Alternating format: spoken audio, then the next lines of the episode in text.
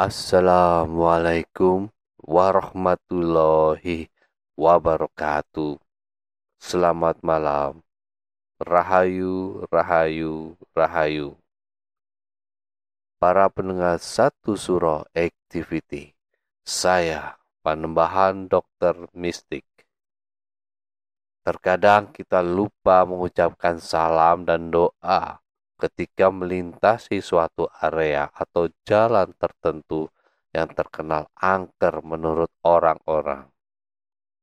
Sehingga kadangkala mengakibatkan sesuatu peristiwa yang mistis, horor, tanpa kita sadari. Seperti halnya kisah mistis siluman anjing Kisah ini dialami oleh akun bernama Dark Energy. Selamat mendengarkan. Mengapa ku sebut siluman anjing? Nanti kalian akan tahu apakah gua halusinasi. Sayangnya enggak karena di kejadian ini ada empat saksi mata termasuk aku sendiri sebenarnya nggak sampai bikin nggak bisa tidur juga sih. Cuma mau sedikit nostalgia. Oke, cekidot. Jadi waktu itu seingat gua, umur gua waktu itu adalah SMP kelas 8 atau kelas 9. Gua lupa lupa ingat kejadiannya di dusun gua, tempat nenek kakek tinggal. Sebenarnya bukan dusun yang kiri kanan depan belakang rumah kayu itu bukan ya. Sekarang sebenarnya sudah jadi kota. Tapi karena itu satu-satunya tempat gua mudik, lebih suka gua sebut dengan dusun. Gua seorang wibu, nolep, ya. Tapi itu sekarang. Gua yang dulu adalah seorang anak dengan jiwa yang tidak bisa diam dan suka akan Avenger ke sana kemari. Jadi malam itu sekitar jam 8 malam, gua sepupu gua yang lebih setahun sepupu gua yang setahun lebih muda dan teman gua di dusun yang sekarang sudah pindah ke Bandung By the way, gue nggak bisa sebutin nama lengkap karena menurut gue privasi. Dan yang nggak penting, penting amat. Nah, jadi di kota P, inisial dusun gua. Ini ada rumah sakit besar yang 11 12 sama mall lah pokoknya. Jadi karena kami berempat waktu itu lagi gabut, kami berniat untuk pergi ke rumah sakit itu naik turun lift doang. Jadi tujuan kami ke rumah sakit itu sebenarnya cuma untuk main-main lift doang. Jaraknya juga enggak terlampau jauh, paling satu kilometer. Lebih sedikit kalau jalan kaki. Tapi kejadian horor ini bukan di rumah sakitnya, melainkan di tengah perjalanan sewaktu itu kami akan menuju rumah sakit itu. Nih, gua jabarin percakapan kami waktu hendak jalan menuju rumah sakit. Dimas berkata, kalian mau lewat jalan pintas gak nih? Ram berkata, buset, gelap bet, cok. Si menjawab, ngalur aja sih kalau gua ngalur itu artinya ngikut. Dan gua sendiri menjawab, gas. For your information, jembatan ini bukan jembatan panjang ya. Jadi panjangnya kurang lebih sekitar 15 meter yang di bawahnya dialiri semacam got besar dan alternatif untuk lewat tiga jalur pertigaan. Karena waktu itu kami berempat maka gua nggak ada rasa takut sama sekali dan terkesan agak menantang. Mungkin ini yang memicu makhluk ini menampakkan dirinya. Sering ada desas-desus jika memang jembatan ini angker dan minta tumbal. Bukan cuma omong kosong, karena di salah satu pertigaan ini ada rumah kosong yang tak berpintu. Rumah kosong yang gak gede, bahkan gak serem kalau siang hari. Tapi ini malam bos, jadi ceritanya beda. Waktu itu gue inget banget kalau nggak ada satupun penerangan di jalur jembatan tersebut. Ada salah satu lampu jalanan memang, tapi bukan di area jembatan itu, melainkan di depan rumah kosong salah satu pertigaan yang gua sebut di atas. Kebayangkan seberapa gelapnya jembatan ini juga agak jauh dari daerah perumahan.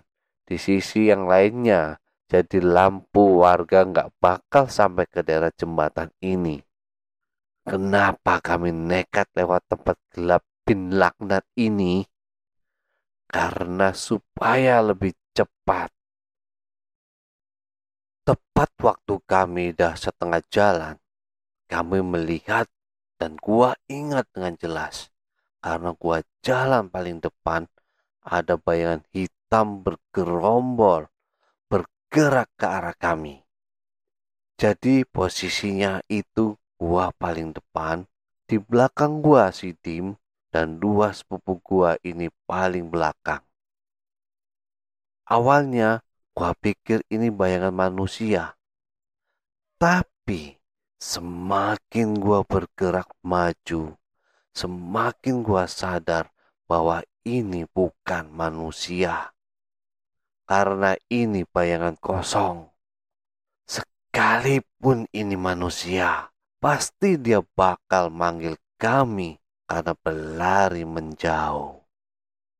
Kami berlari sepupu kampret yang paling belakang malahan mereka yang paling duluan lari.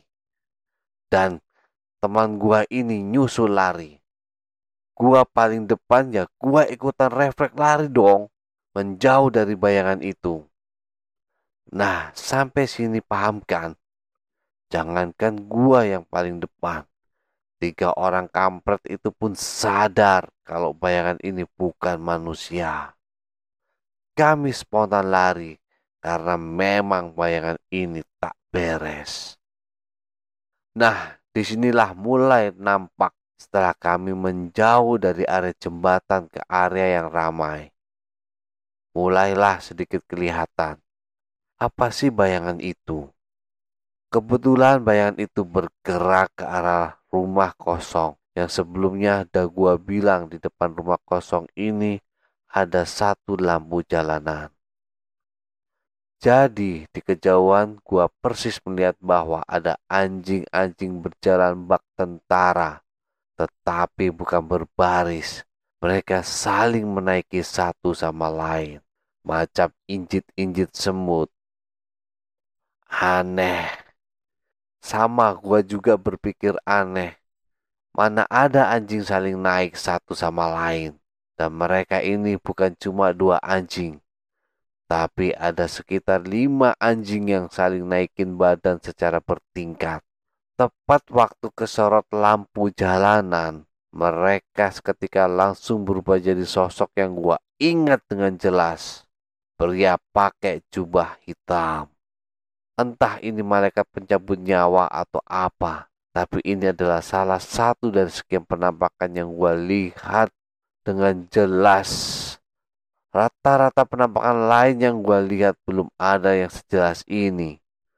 Gue juga nanti kalau ketemu dua sepupu gue, bakal gue tanyakan lagi.